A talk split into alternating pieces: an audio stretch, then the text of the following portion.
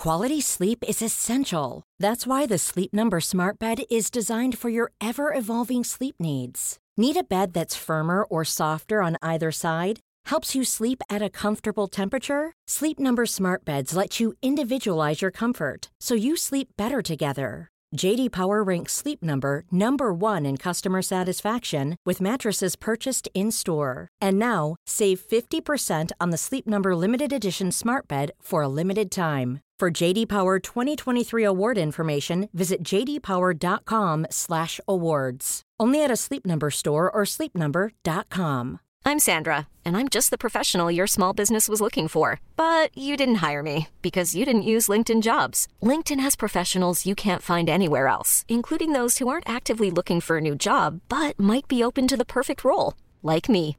In a given month, over 70% of LinkedIn users don't visit other leading job sites. So if you're not looking on LinkedIn, you'll miss out on great candidates like Sandra. Start hiring professionals like a professional. Post your free job on linkedin.com/achieve today. Ever catch yourself eating the same flavorless dinner three days in a row? Dreaming of something better? Well, HelloFresh is your guilt-free dream come true, baby. It's me, Gigi Palmer. Let's wake up those taste buds with hot, juicy pecan-crusted chicken or garlic butter shrimp scampi. Mm. Hello Fresh. Stop dreaming of all the delicious possibilities and dig in at HelloFresh.com. Let's get this dinner party started.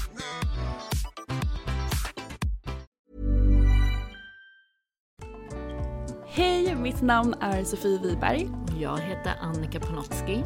Och du lyssnar på Medicine Woman Podcast. Vårt mission med den här podden är att guida dig tillbaka till din egna power. Vi kommer att prata om shamanism, djup spiritualitet och ge dig verktyg till att verkligen stå i din kraft och att vara din egna healer. Den här podden är för dig och vi gör den här inre resan tillsammans.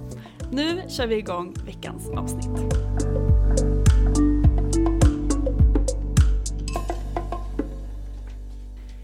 Hej och välkomna till ett nytt avsnitt av Medicine Woman Podcast. Och idag är det inte bara jag och Annika här, utan vi har ju också Pia med oss. Hej! Hej!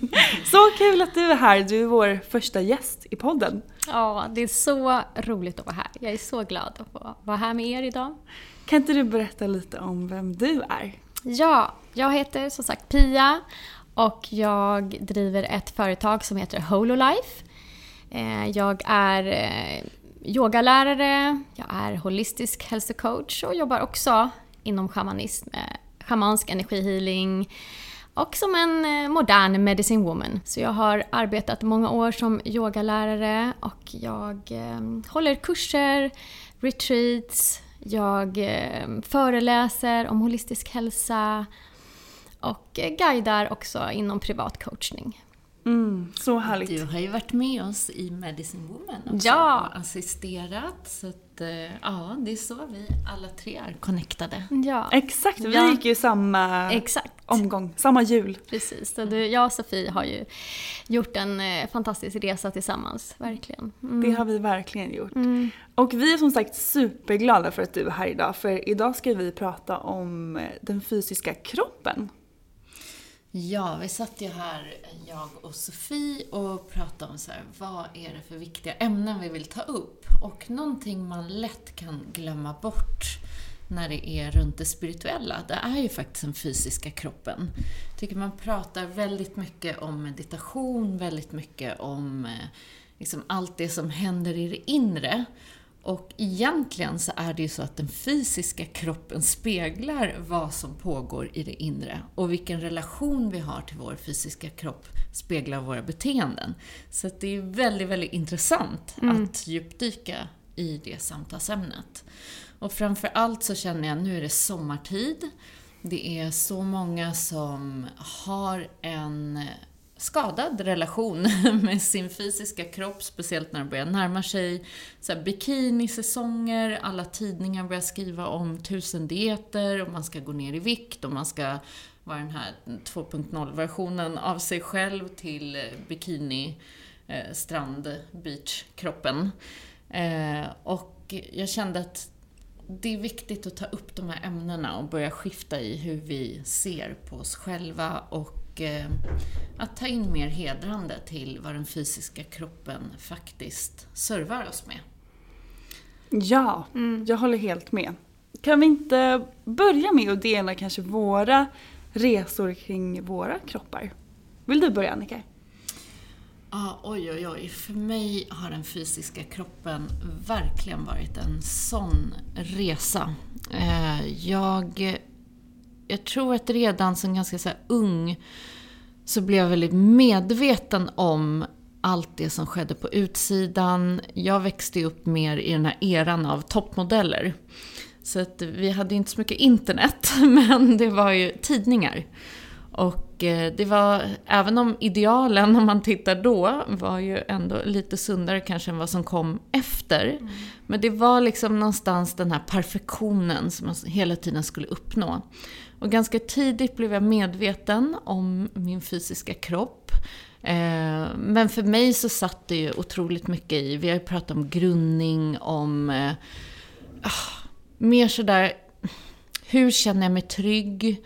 Hur... Eh, när man är otroligt högsensitiv och inkännande som barn så hittar man ju sina strategier mer till att grunda sig.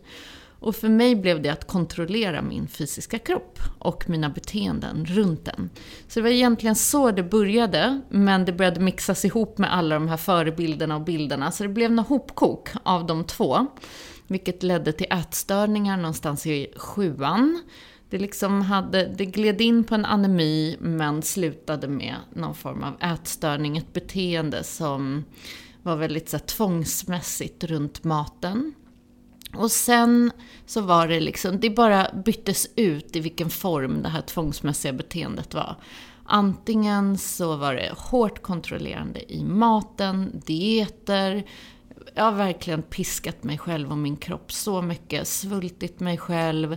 Jag har varit helt fanatisk i träning. Jag kunde stå flera timmar per dag och träna. Eh, har haft så hårda ögon på min fysiska kropp ända upp till... Ja, men det började skifta någonstans när jag eh, blev gravid. Eh, och det var mitt, mitt första barn, Emma, då var jag 20 år. Så att där någonstans så började jag ändå sådär få en annan relation till vad fantastisk kroppen var som kunde liksom föda fram ett barn, skapa ett barn.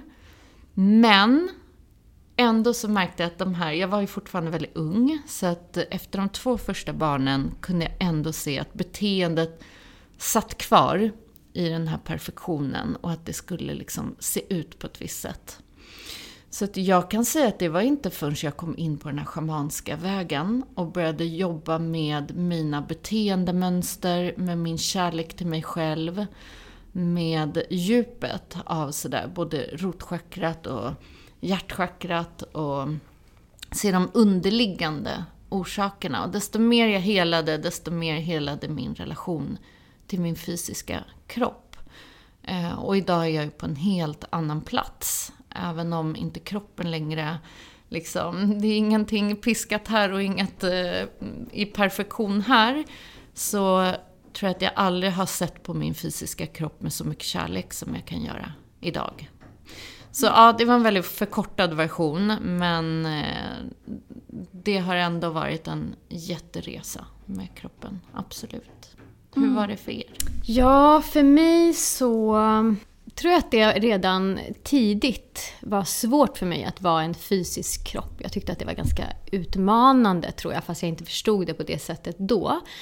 Så att jag valde att alltid vara extremt fysisk. Att eh, på så sätt ha ändå en nära relation till min kropp, att hela tiden jobba med den. Så jag har från jättetidig ålder eh, tränat väldigt mycket, tävlat väldigt mycket, ställt oerhörda krav på min kropp. Och det gjorde jag under så, så, så många år. Ja, jag skulle också säga kanske fram till att jag faktiskt blev gravid. Och jag blev gravid lite senare än dig, så jag var eh, närmare 30. Men eh, fram tills dess så fanns det liksom ingen nåder eh, gentemot min kropp. Utan det var otroligt vad den skulle eh, både fysiskt klara av, prestera, Um, ja, och, och, jag håller, instämmer, så jag känner igen mig mycket av, för vi är uppvuxna ungefär samma tid, av de här idealen som man hela tiden omgavs med. Uh, plus att jag minns också såna här kommentarer från människor i min omgivning ganska tidigt innan jag överhuvudtaget kunde eller hade möjlighet att reflektera, jag var ganska liten, över när någon kommenterade min kropp. Eh, så sådana där saker vet jag har satt sina spår. Och det gjorde mig då medveten kring mat, att kanske det man äter, för jag tränade så mycket så att jag åt alltid väldigt, väldigt mycket. Men då blev jag väldigt medveten om att oj, det kanske har att göra med att det jag äter och folk kunde kommentera att jag åt väldigt mycket. Så det tyvärr satte sina spår hos mig, så jag har ju också haft ett komplicerad, ja, en komplicerad relation till mat. Ehm, jag har aldrig haft kanske uttalat eh, någon sjukdom kring mat, men jag har ju absolut haft ett eh, liksom tvångsbeteende där jag också haft väldigt, väldigt kontrollerat intag av mat eh, kopplat till hur jag tränar. Jaha, jag har inte tränat, då kanske jag inte äter idag. Ja, så det har ju varit inte sunt överhuvudtaget. Och eh, ja, men tog eh, tid för mig. Det var, eh, jag skulle säga att det var inte först eller först precis, jag hittade in, precis innan min första barn så hittade jag in i yogan. Och det var första gången jag hamnade i en form där jag jobbade med min kropp på ett icke prestationsaktigt sätt. Så för yogan för mig var en sån befrielse att jag kunde jobba med min kropp på ett fysiskt sätt um, utan att det var handlade om prestation, att jag skulle prestera någonting. Det var bara för mig och det var, blev en mental träning. Jag hade väldigt, väldigt svårt för att vara still, för att eh, meditera hade jag försökt eh, under många, många år. Eh, jätteutmanande för mig. Så, då, så för mig var yogan den lösningen som också gjorde att jag fick ett, lärde mig att få snällare ögon på mig själv. Och ett annat beteende kring och jag tycker mycket förändrades när jag fick barn, för då började jag också hedra min kropp på ett annat sätt. Jag började vara mycket mer mån om att jag behövde ju laga mat till barn, då behövde jag också laga mat till mig själv, vilket jag aldrig gjorde innan. Mm. Så ja, det har varit en lång resa.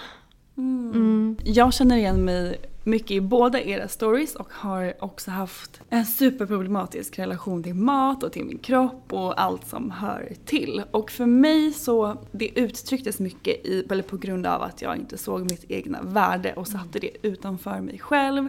Att jag behövde se ut på ett specifikt sätt. Också mycket i prestation som kombinerades ihop ganska bra mm. där.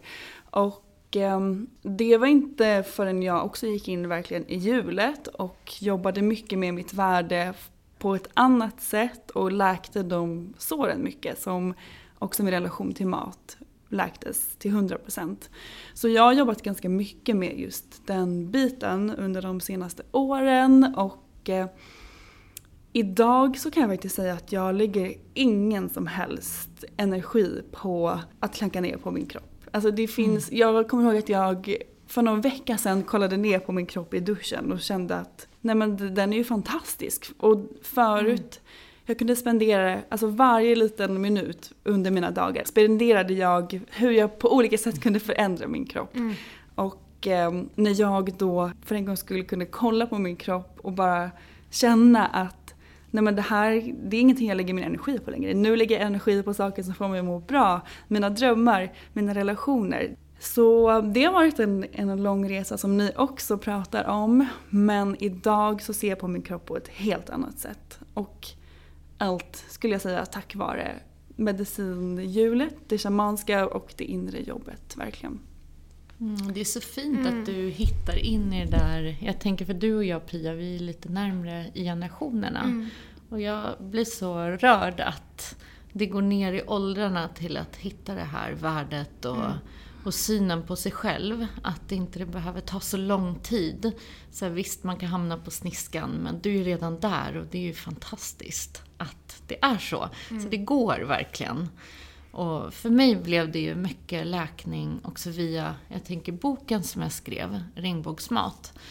För att den blev på något sätt en helande resa in så här, men vad är det jag vill förmedla med den här maten? Först när jag tänkte på att skriva en kostbok så kände jag att jag vill inte bidra längre till det här.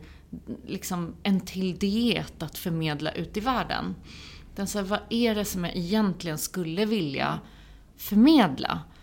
Och då kom just det här, men det är ju visdomen, alltså den här intuitionen. Så här, vi vet vad vi mår bra av. Vi vet hur ska vi hedra kroppen, vad är det för mat vi mår bra av, eller om det är träning eller relationer. Det, det går ju egentligen att applicera på allting.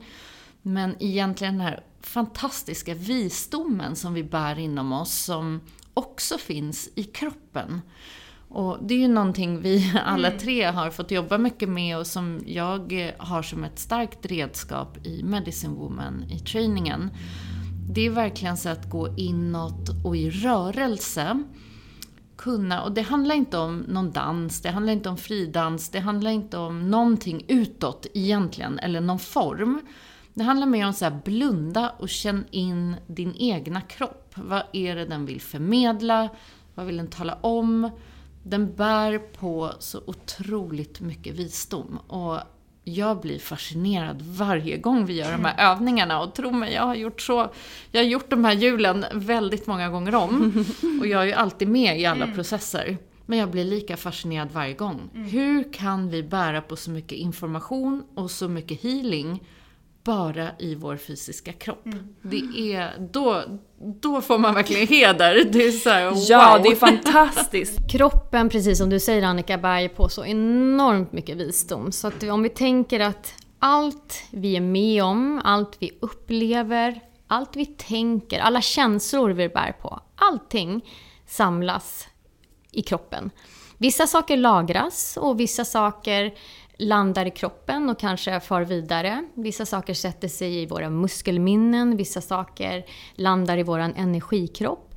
Så att om man tänker att från födseln och längre bak än så. Vissa saker bär vi med kanske också från andra tidslinjer, tidigare liv.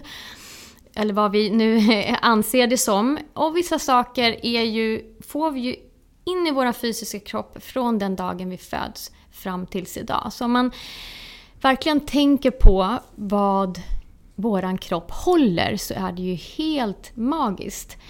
Så att alla frågor vi egentligen har, allt vi går och funderar på, allt vi undrar över, vet egentligen vår fysiska kropp. Jag har så många gånger ärat min kropp för att min kropp säger till så mycket snabbare än mitt mind. Så mitt mind kanske vill streta på. Jag haft, hade ett jobb till exempel som jag var kvar i två år där jag hade ont i magen varje dag. Kroppen sa ju till att du ska inte vara här och mitt mind var så här, jo, jo, jo, jag ska göra den här karriären, jag ska ha högre lön, jag ska, jag ska prestera allt det här. Medan min kropp var så här, du är på fel plats. Det tog mig två år för mitt mind att förstå, medan min kropp, den dagen jag gick utanför dörren, så försvann mitt magonta. Jag hade inte ont i magen på många, många år efter det. Så kroppen vet. Vi har bara svårt att kanske lära oss att lyssna på kroppen. Svårt att stilla oss, att verkligen lyssna in. Vad vill min kropp säga mig när det här händer? Mycket av smärta som sätter sig i kroppen är oftast känslor, som det kan vara lagrade känslor, obearbetade känslor. Och det kan sätta sig fysiskt, i en fysisk smärta i kroppen. Och då tänker vi att ja, men jag har problem för att jag av någon anledning, vi tänker att det är ett fysiskt problem, att någonting har jag har slagit i eller jag har skadat eller... Men i de allra flesta fall så är det egentligen någonting helt annat. Smärtan kommer någon annanstans ifrån. Det är ju så vanligt i cirklarna, ja. tänker jag. När någon sitter i början och har mm. jätteont någonstans. Och sen så kommer de till exempel till nästa riktning och så här, nej men det är helt borta. Ja. Hur är det möjligt? Jag har ju haft ont här i mm. tio år. Det är så häftigt. och då ja. är det någonting vi har bearbetat i en process som ja. sällan faktiskt, måste jag säga, också är logiskt. Nej, Väldigt sällan. Ja, ja jag, jag, skulle vilja säga att det nästan alltid är ologiskt. För mindet Något helt annat kommunicera, man kan säga att de har ett, ett olika språk på ett sätt. Mm. Så att det mindet tror att kroppen vill säga så är det någonting helt annat. Så det är därför precis det blir ologiskt att det sätter sig i höften eller i knät eller i ryggen. Jag vet att jag har berättat den här historien på träningen om när jag fick en... Eh, det var som en eh, vad säger man, liten cysta eller som, ja. Ja, i handen mellan två riktningar som jag gick själv. Och någonstans så visste jag, jag hade ju kommit så pass långt så att jag förstod att det här bara var någonting som kroppen ville tala om i de här processerna som jag var i. Så att jag gick inte in och liksom la in någonting i det, eller gick inte in i rädsla, men den började växa sig större och större. Eh, och sen så kom jag till nästa riktning. Vi gjorde en process och det handlade om en sån djup sorg som jag trodde att det här har jag bearbetat för länge sedan. Det där är jag klar med. Absolut ingenting jag går och tänker på någonsin i min vardag. Och den sorgen bara flödade fram och det tog tre dagar så var den borta. Så det är bara en sån mm. grej. Det är så häftigt hur det fungerar. Mm. Jag hade ju något liknande. Jag hade en punkt i ryggen som, som satt eh, innan västhelgen. Mm. Och sen dök det upp mm. i flera utmanande processer eh, vad den här smärtan berodde på. Och sen efteråt, när jag hade bearbetat igenom den, så släppte det. Ja, det, är så det är så fascinerande. Mm. Det är verkligen så häftigt. Allt är ju information. Och när vi verkligen mm. börjar se på det på det sättet. För det känns som att i dagens samhälle är vi så vana vid att koppla bort kroppen från vårt inre. Men som du säger, och, eller som ni säger, så sitter ju allting ihop. Mm. Och när vi börjar förstå att allt är information så blir det, inte logiskt kanske, men man förstår det på ett annat ja. sätt. Och man kan ju faktiskt kolla på det för vi har ju en feminin och en maskulin sida. Ibland har man ont kanske på den feminina sidan, ibland på den maskulina sidan. Och det kan ju verkligen vara ett sätt att läsa av kroppen. Vad det är som sitter, vad är det för energi som har fastnat i höften kanske om det sitter något på den maskulina sidan. Jag hade ganska ont i min höft på min högra sida som är den maskulina. Och jag kunde liksom inte sitta ner, jag var tvungen att typ ställa mig upp ibland och röra på mig. Men sen när jag bearbetade då, det handlade mycket om att jag kände att jag satt fast. Jag kunde inte röra mig någonstans, jag hade ingen riktning och jag kände mig helt enkelt låst. Men när jag bearbetade den grejen, dagen efter så försvann, eller hela, hela den smärtan var helt mm. borta. Så så kan man ju också kolla mycket på vilken sida sitter smärtan på, är det höger eller vänster, maskulin feminint och läsa av det som information. Ja, och jag vet inte om ni minns att jag berättade att jag hade en grupp som jag hade ett jul med. Det här var rätt många år sedan i början. Och just det här hur energin verkligen gick genom min fysiska kropp när jag höll space för eh, kvinnor som jag hade sagt ja till att hålla space för. Och just i den gruppen så var det ganska, det var lite tyngre energi. Eh, och eh, under en process så kände jag bara så här, nej men jag måste kräkas. Och på en sekund, det var liksom ingenting jag kunde så hindra. Och jag har inte så lätt för att liksom ta till det. Men så fantastiskt, hur sådär också, då hjälpte jag till mm. att lätta upp den energin genom att ta det genom min fysiska mm. kropp och liksom få ut ur kroppen. Mm.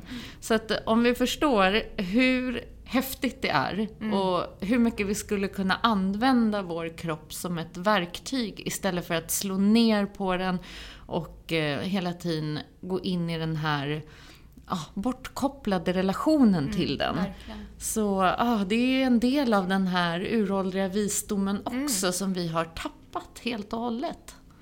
Ja, och ära att vi faktiskt är här i en fysisk mm. kropp.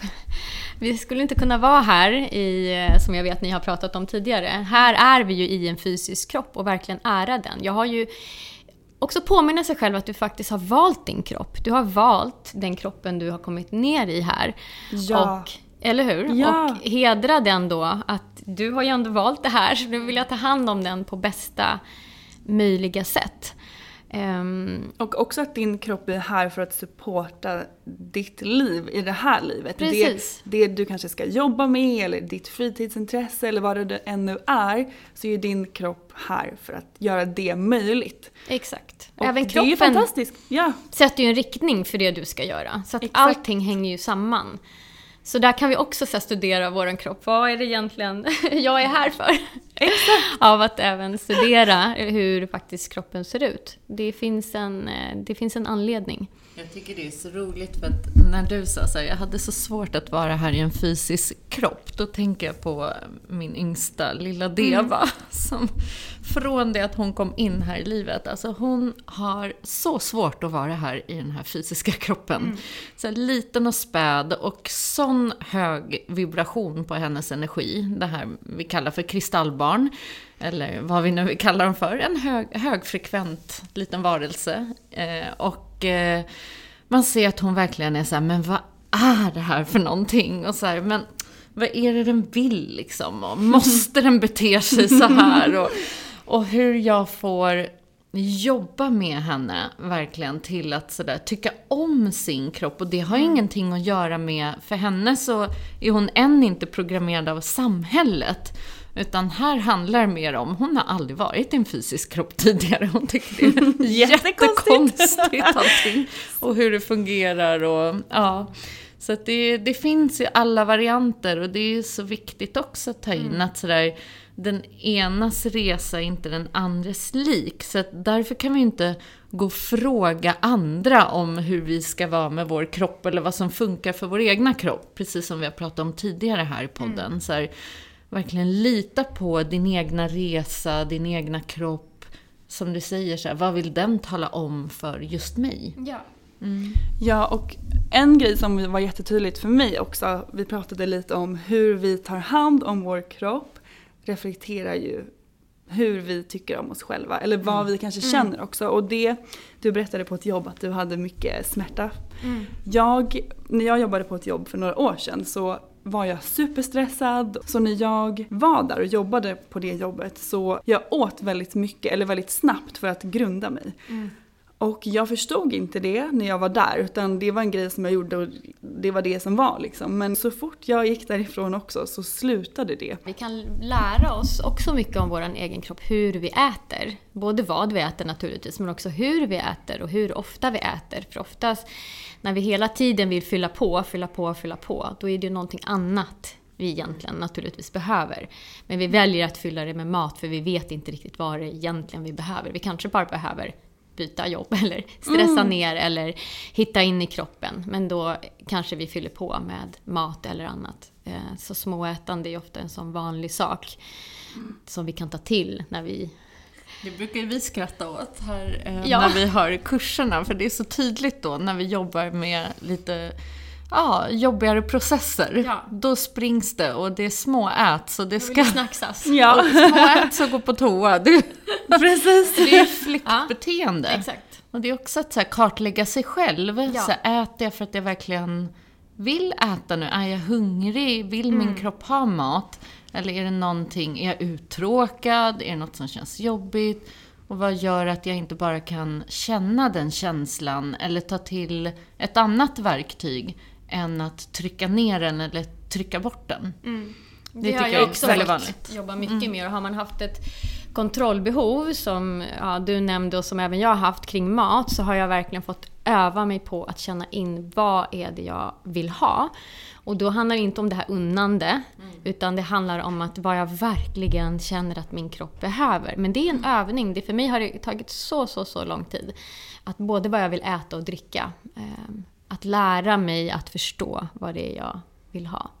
Ja, för där finns någon så här skev uppfattning, har jag eh, lärt känna de senaste åren. Mm. Så att det här med unna sig och att det ofta handlar om att man då skulle unna sig en bulle eller någonting som man då ja, säger är onyttigt. Mm. Men egentligen så känner jag så här, när, när vi har läkt det här med rotchakrat och egenkärleken, då tycker jag hela att unna sig någonting som inte vibrerar med kroppen, det skulle inte, alltså det är inte intressant på samma sätt. Utan det handlar mycket mer sådär att vara sann.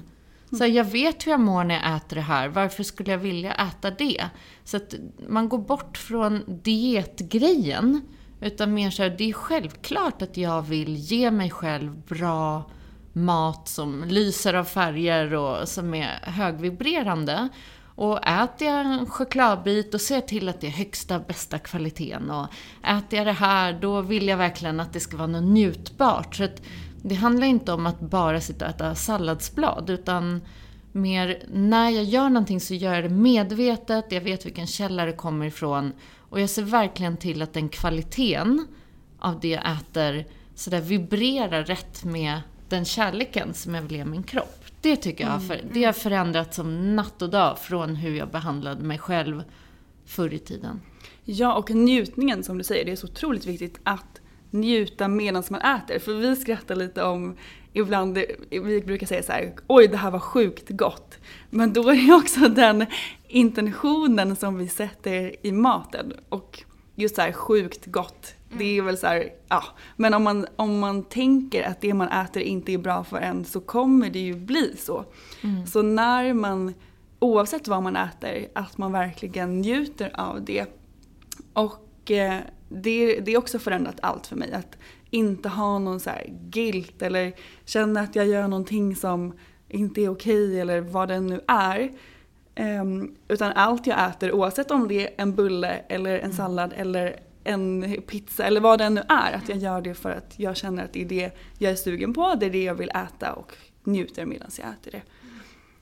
Mm, väldigt mycket en practice av nuet egentligen. Det är det ju, verkligen. Att Så vara det jag äter nu. Ja, Mm. precis. Vara närvarande när man äter. Och precis som du sa, att sätta intentionen av att det här som kommer in i min kropp nu eh, vibrerar med den vibrationen jag vill ta in i min kropp just nu. Och att det är ett slags hedrande av kroppen, av allt vi äter. Och tacksamhet. Tänker Ja. i alla kulturer där, som vi också hade här eh, tidigare i Sverige. Så att man gav en liten bön till maten innan man åt, att man tackade för maten. Det gör ju både att vår fysiska kropp öppnar upp för att ta emot, men också att vi hedrar maten och ger den en bra vibb innan den kommer in i kroppen. Det är också ett sånt enkelt litet sätt att förändra sin relation till mat och också hedra att vi har mat. Och när man gör det, jag gör alltid som en liten blessing innan, så blir det att vi tänker hela, eller jag tänker hela, hela ledet. Så här, hur kom den här maten till mig? Ja, jag har lagat den, men så här, vem plockade bönan? Vem eh, gjorde det här? Så det blir som att hela, och den, jag tycker det är väldigt härligt. Att ja, det är så den- häftigt ja. när man tänker på hela processen. Exakt. Någon har odlat, den här maten har Ja. liksom växt kanske månader eller år till och med och det har fraktats kanske från andra sidan jorden eller någonstans i Sverige Mm. till en matbutik där någon har plockat upp den och sålt den och sen ligger den på tallriken. Det är ju en fantastisk process. Så det är så fint att tacka för det som du gör Mm. innan man äter. Och vi har också pratat om det här med kropps och manifestation. För det är någonting vi lätt glömmer bort i det spirituella. Så där att vi i manifestering så tror vi att det bara är uppåt och att sätta intentioner, att eh, sådär, eh, ja, att det beror på vad man är i för känslor. Men om man tittar på mind, body, spirit och att det ska gå ihop i en linje så är det också den fysiska kroppen representerar den fysiska verkligheten. Så är vi inte i linje, alltså det vi har jobbat på i vårt inre, inte bär samma energi som vår fysiska kropp, så blir det som att vi inte riktigt kan ta ut allt det som vi har jobbat på i det inre, ut i det fysiska. Som att det inte riktigt liksom, ja, alignar säger jag på min svengelska, för jag tycker det är ett bättre ord. Men det är ju det är också en viktig del, och Verkligen. där vi kan mer gå in i hedrande då, än att tycka så här att, nej men kroppen är inte viktig. För att ett tag för mig, när jag verkligen var inne i att bara jobba inåt, inåt och på det spirituella, så blev det som att kroppen blev helt eftersatt. Det var, visst, jag åt bra, men det här med rörelse eller just som du säger, kanske yogan eller någonting som man tycker om. Eh, det var som att säga, nej men jag har inte tid för att jag måste göra en ceremoni, eller jag gjorde hellre en ceremoni än att gå och göra någonting fysiskt. Men för mig nu så är det en tid där jag känner sådär, nej men nu är det kroppens tur att på något sätt få återspegla det, all den kraft som jag har byggt tillbaka. Den kraften behöver också få möta den fysiska styrkan och kraften. Mm. Ja, och för mig är faktiskt rörelse, när jag går ut i skogen, jag kanske har berättat det tidigare i podden, men när jag går ut i skogen och tar promenader, det är då jag känner mig som mest uppkopplad, som mest connectad med mig själv och jag känner verkligen hur saker inuti mig bearbetas och att energin förflyttas om det är någonting jobbigt som kanske har varit under dagen eller någon jobbig energi som kommer upp under min promenad så brukar jag antingen plocka upp en sten som jag bär med mig under hela promenaden och så fort det kommer upp någon känsla eller någonting som jag känner sitter i kroppen så blåser jag in den i stenen. Och så håller jag den medan jag tar min promenad och så lämnar jag tillbaka den till naturen när jag är klar. Så det för mig är det verkligen min bästa typ av meditation skulle jag säga. För att jag känner mig så närvarande i både kroppen och eh, mind, body, spirit. Allting verkligen. Mm. Så det är, det är det bästa jag vet. Mm, ja. Det är ett superhack. Mm. Ja, men verkligen. Vad har du för något? Nej, men för mig som jag nämnde innan så har grundningen varit så viktig för mig. För att jag har ett starkt mind och fastnar lätt upp i mitt huvud. Så för mig är det så viktigt med grundningen. Och jag, när jag vet att när jag känner mig som mest grundad, lite precis som du sa, då är jag också som mest öppen.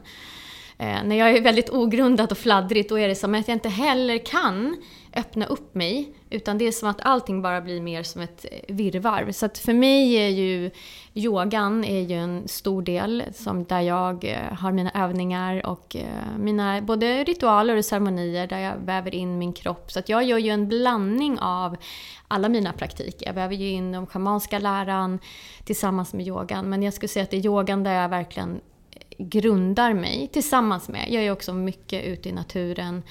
Eh, kan bara lägga mig raklång på rygg och meditera. Eh, jag har några speciella platser jag går till just när jag känner mig väldigt ogrundad. Jag har ett berg som jag går till där jag också får hjälp att grunda mig. Så grundningen är A och O för mig. Mm.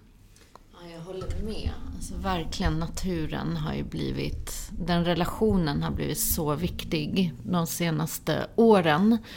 Eh, där det kan vara ett träd eller ett berg eller bara så att stanna upp och lyssna och höra sig själv. Eh, ja, ett otroligt verktyg för mig. Som, ja, vi alla bor ju i stan. Det blir väldigt susigt här. Och ibland att bara få höra de här naturljuden är så läkande tycker jag. Men för mig har det också varit det här med, eh, rör, alltså, med rörelse så menar jag när man säger dans så tror man att det är någon sån här koreografi. men, men helt enkelt, jag kan ju vara här på centret och eh, ibland har jag så pauser mellan sessioner.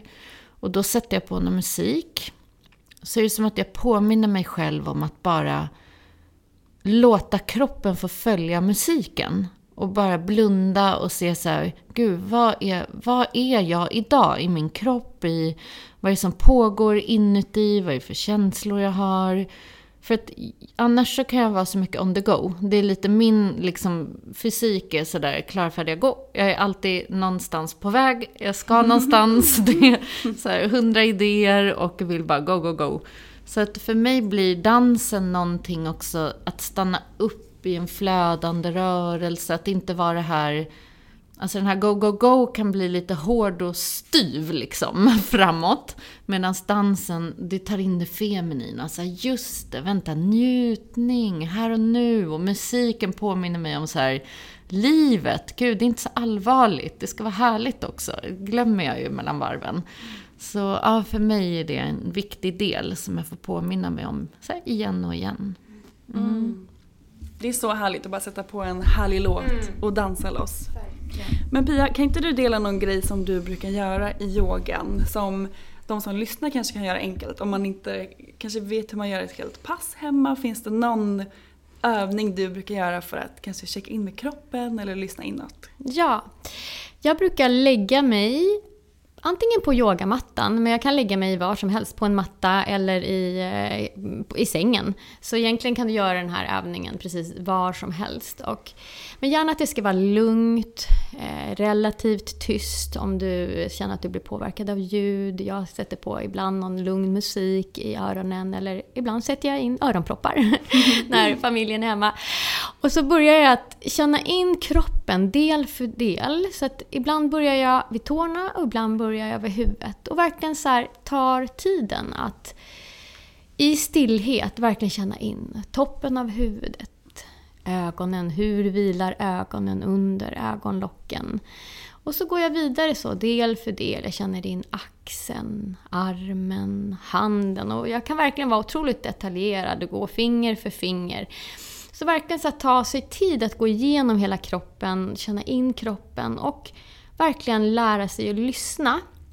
För jag har lärt mig så mycket om min kropp eh, och min inre visdom genom att lyssna på vad kroppen faktiskt vill kommunicera till mig.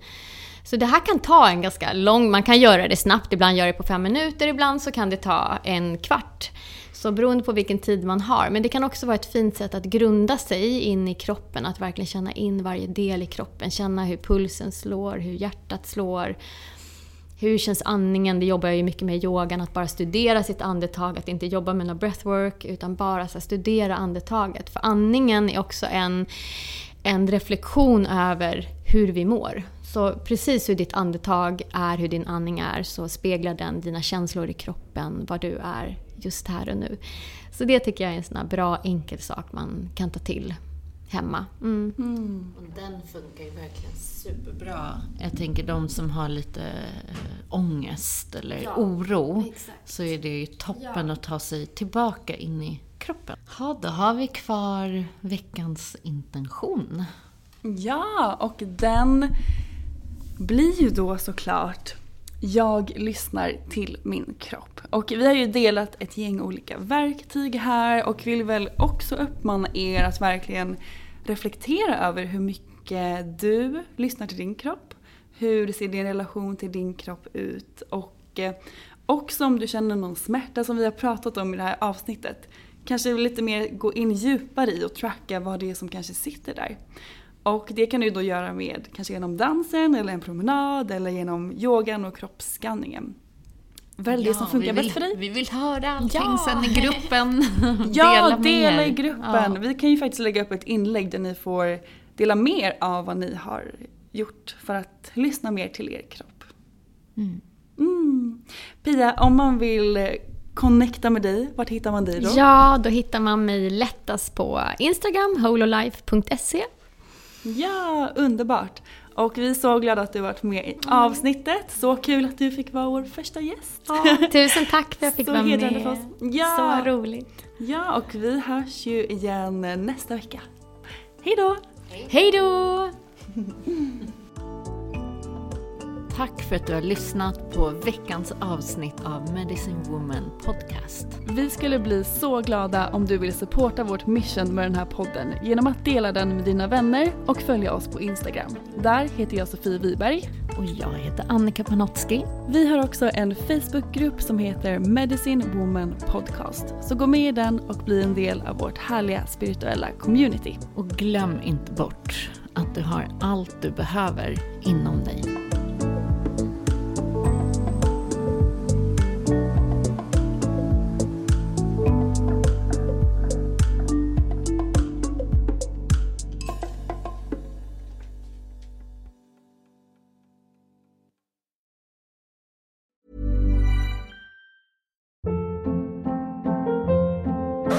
Hold up. What was that? Boring. No flavor. That was as bad as those leftovers you ate all week. Kiki Palmer here, and it's time to say hello to something fresh and guilt-free. Hello Fresh. Jazz up dinner with pecan-crusted chicken or garlic butter shrimp scampi. Now that's music to my mouth. Hello Fresh. Let's get this dinner party started. Discover all the delicious possibilities at hellofresh.com.